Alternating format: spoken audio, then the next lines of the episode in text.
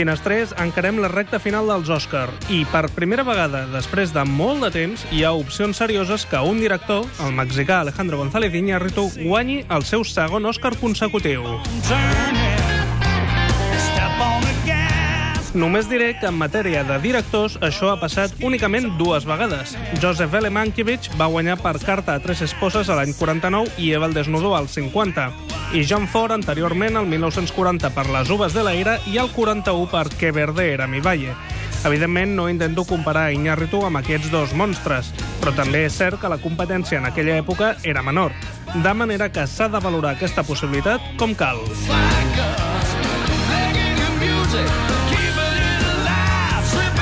Un personatge peculiar, Iñárritu, admirat per uns i no diré detestat, però sí considerat sobrevalorat per altres. Altres directament el qualifiquen de repel·lent o prepotent.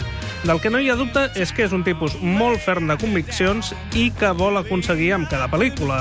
Així han aparegut films com Amores Perros, 21 gramos, eh, Babel, Beautiful, Birdman, El Renacido... Films que han impactat i no han deixat a ningú indiferent. Les pel·lícules les coneixeu. Coneguem ara a l'home.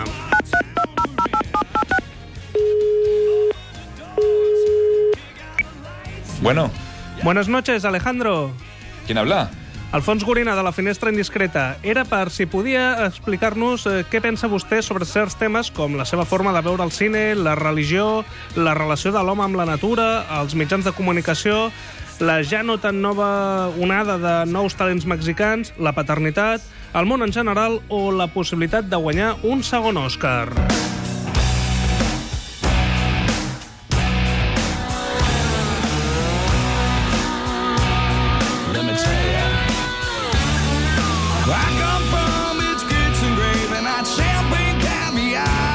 Tengo dinero para arreglarlo de ¿Qué demonios importa el dinero, coño? ahorita mucho más de lo que te imaginas. ¡Cágalo, carajo! ¡Este está el garzón!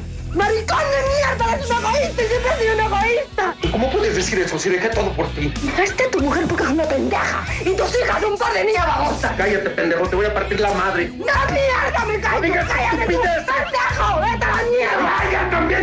¡Vete a la mierda, pendejo gustan mucho que sean los personajes débiles, ¿no? Yo me gustan los personajes débiles, no me gustan los personajes fuertes. A mí me gusta la gente que es débil, que es frágil, que es vulnerable, que se quiebra, pero que se puede que, puede sobrevivirse a sí misma, que puede romper, que puede a sí misma salir adelante a través de, de un rompimiento, de una caída. ¿no? Eso a mí me gusta en un personaje, porque entonces es más dramático, es más real, me identifico más con él que un tipo que mata 40 y se ríe y man- maneja su Mercedes Benz.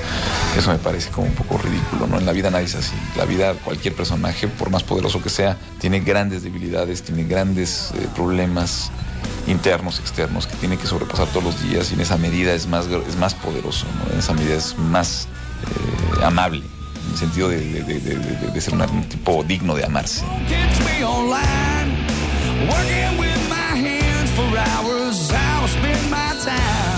Sí es una película que sí, sí estruja, sí es una película que, que mueve, que emociona o quizá conmociona, pero bueno, finalmente para mí es el objetivo de toda obra. ¿no? Si no emocionas, para entretenerte es más fácil otros medios, ¿no? no tan dolorosos como el cine.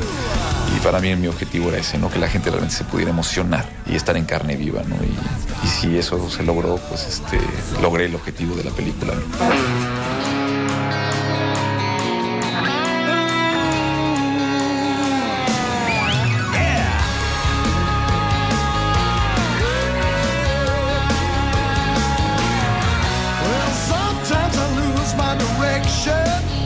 Acabó. Sí.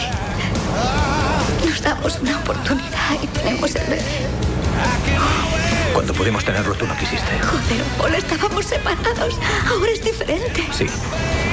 Es diferente. Hay que abrir sim- simplemente los periódicos para darnos cuenta que la vida es mucho más cruel de lo que nos imaginamos. De pronto lo que es muy importante es la actitud en la que tomamos esos problemas, la actitud en que enfrentamos, en la, la actitud en que nos revelamos a nosotros mismos y cómo nos sobrevivimos a nosotros mismos. Eh, el amor es un proceso duro. Todo el mundo sufre al amar, todo el mundo aprende todos los días a amar. Aún las relaciones más estables de señores de 50 años de casados siguen sufriendo porque no es fácil de aprenderlo. Este, la muerte nos llegará y, reflexionar sobre esta fragilidad a la que estamos expuestos, un accidente automovilístico, el saber que un día puede salir y no puede regresar, este, y que Lady Di también es víctima de eso y que las hadas también se mueren, eh, nos hace sentir de una forma muy frágil, muy vulnerable y es una realidad que nos duele a todos los seres humanos. Creo que la vida en general nos da lecciones, pero que muchas veces nos transforma y a través de ese dolor podemos ser mejores personas. No, es una visión fatalista, es una visión realista con posibilidad de salir adelante. Es- esa fue mi apuesta, ¿no? crear una redención. Al final sí tenemos, híjole, un destino azaroso, pero también un libre albedrío que nos permite quizás salvarnos y perdonarnos a nosotros mismos a través del amor, que para mí es la única apuesta. O la tesis ahí es, el amor es lo único que nos puede salvar de ser vísceras, huesos y sangre, ¿no? O sea, sí el amor nos redime como humanos.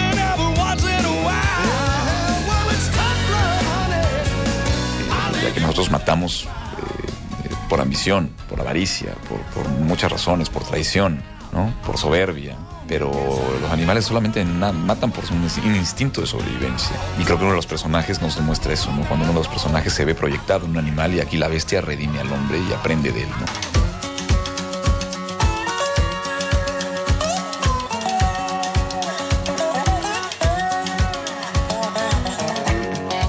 Señora, ¿está usted a cargo de ellos? Sí, Necesitamos el consentimiento paterno. sentimiento paterno. Una autorización del padre. Hola, guapa. Dime, ¿esta señora es tu tía? No, no es mi tía. No, eh, cuida de ellos. Es ¿Ha bebido usted? Es... ¿Yo? ¿Está bajo los efectos del alcohol? No. Bien, lo comprobaremos. Salga del vehículo. ¿Por qué? Le he dicho que salga del vehículo. ¿Por qué? Le he dicho ¿Puede que salga del vehículo ahora mismo. Yo creo que finalmente pues no compito directamente con él, ¿no? En lo absoluto. O sea, las películas accidentalmente, alguna de ellas ganará. Pero no hay nada que podamos hacer. O sea, si fuera, si pudiéramos hacer algo ahorita, sí sería una competencia. O sea, y haríamos, la haríamos mucho mejor, ¿no? Este, en este instante estaríamos no hablando con ustedes, sino estaríamos ahí. sí. Pero ya la película ya está hecha, ¿no? Totalmente. Entonces no hay nada que competir. O sea, ¿por qué competir? ¿Cuántas veces te lo hemos dicho? Hablo chino yo, ¿no me entiendes? Oye, lo he dicho no lo veces. entiendes. Les he dicho mil veces. No se pueden no volver a estar. poner a vender ahí, Usbal. Se lo he dicho muchas veces. Pues aprende africano, colega. Pues, vale, pues a lo mejor deberías hablar con tu gente y tranquilizarles un poco, tío. ¿Sabes? Porque para eso te pago. Mira, Usbal, hace ya rato que nos conocemos y a mí me mola cómo te lo montas. Pero la próxima vez que te rones vas para adelante y a tomar por el culo. Creo curiosamente que cuando hago cine soy una mejor persona. Eh, quizá hacer cine me hace mejor padre. Eh, cuando estás haciendo cine, cuando estás haciendo y creando algo así, estás más atento, estás más presente, estás más sensible. Eh, creo, creo, creo eso, que, que hacer cine te hace una mejor persona. Ahora, hacer mejor cine, eso no lo sé. Eso lo tienen que decir ustedes si lo estoy haciendo mejor o no.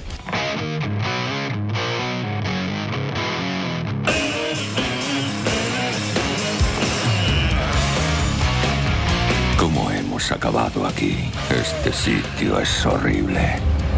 Lo teníamos todo. Eras una estrella de cine, ¿lo recuerdas? Tiene miedo de que la gente diga que se ha embarcado en esta obra para luchar contra esa imagen de superhéroe trasnochado. Para nada, por esa razón hace 20 años rechacé y dije que no a Berman 4 y por eso... ¡Berman 4! ¡Usted hace Berman 4! No, ese es una, no sé de dónde salen esas cosas como raras, ¿no? Eh, eh, eh, vivimos en una época en donde en internet a alguien se le ocurrió subir un, dos líneas que describían la trama de la película, que era sobre un amigo que tenía un amigo policía. Y yo durante dos años me decían, corrige, salía y decía, pero ¿por qué coño la voy a...? Es que vivimos en una época en donde la verdad la hace un tipo desde su computadora y todos los, inclusive periódicos de, rigor, se cuelgan de una pinche línea que aparece en un blog de no sé quién y esa es considerada ahora la verdad. O sea, es algo de... es- ya a mí me da una risa... Es un tema porque... No, pero es que el periodismo serio aún cae en eso. Estoy hablando de los diarios... El New York Times, ¿sabes?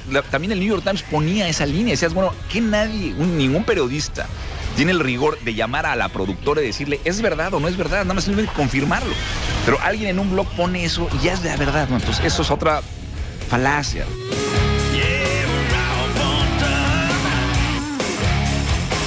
Aunque hay una percepción de, ay, mira, aquí está el cine mexicano. El cine mexicano son, son individuos con, con esfuerzos individuales muy específicos que de pronto se hacen como grupos y percepciones de, de ban- de bandas, pero en realidad Carlos Reigadas, este, eh, eh, Fernando eh, Aemke, Amat Escalante, son individuos con esfuerzos particulares que van destellando, eh, pero no es que hagamos, ah, ahora sí, ya va, vámonos. venga". No, o sea, es muy difícil crear industria, la pinche industria está en crisis, el cine está en crisis, en todos lados del mundo, o sea, no, entonces crear industria, crear- o sea, esa- esa ilusión un poco que el nuevo cine mexicano, esa pinche palabra la he oído Llevo oyendo eso hace 20 años. El nuevo cine mexicano. Esas, esas etiquetas siempre me dan a mí mucho miedo porque siempre acaban siempre desmoronándose, porque no es cierto. Son. Es como, bueno, el cine coreano. Hay, hay siete, ocho directores coreanos extraordinarios, pero no es, este, no sé, la nueva armada. ¿no? Son, a- a- aparecen de pronto un par de películas que coinciden en un año, luego pasan dos años, no, así es. es-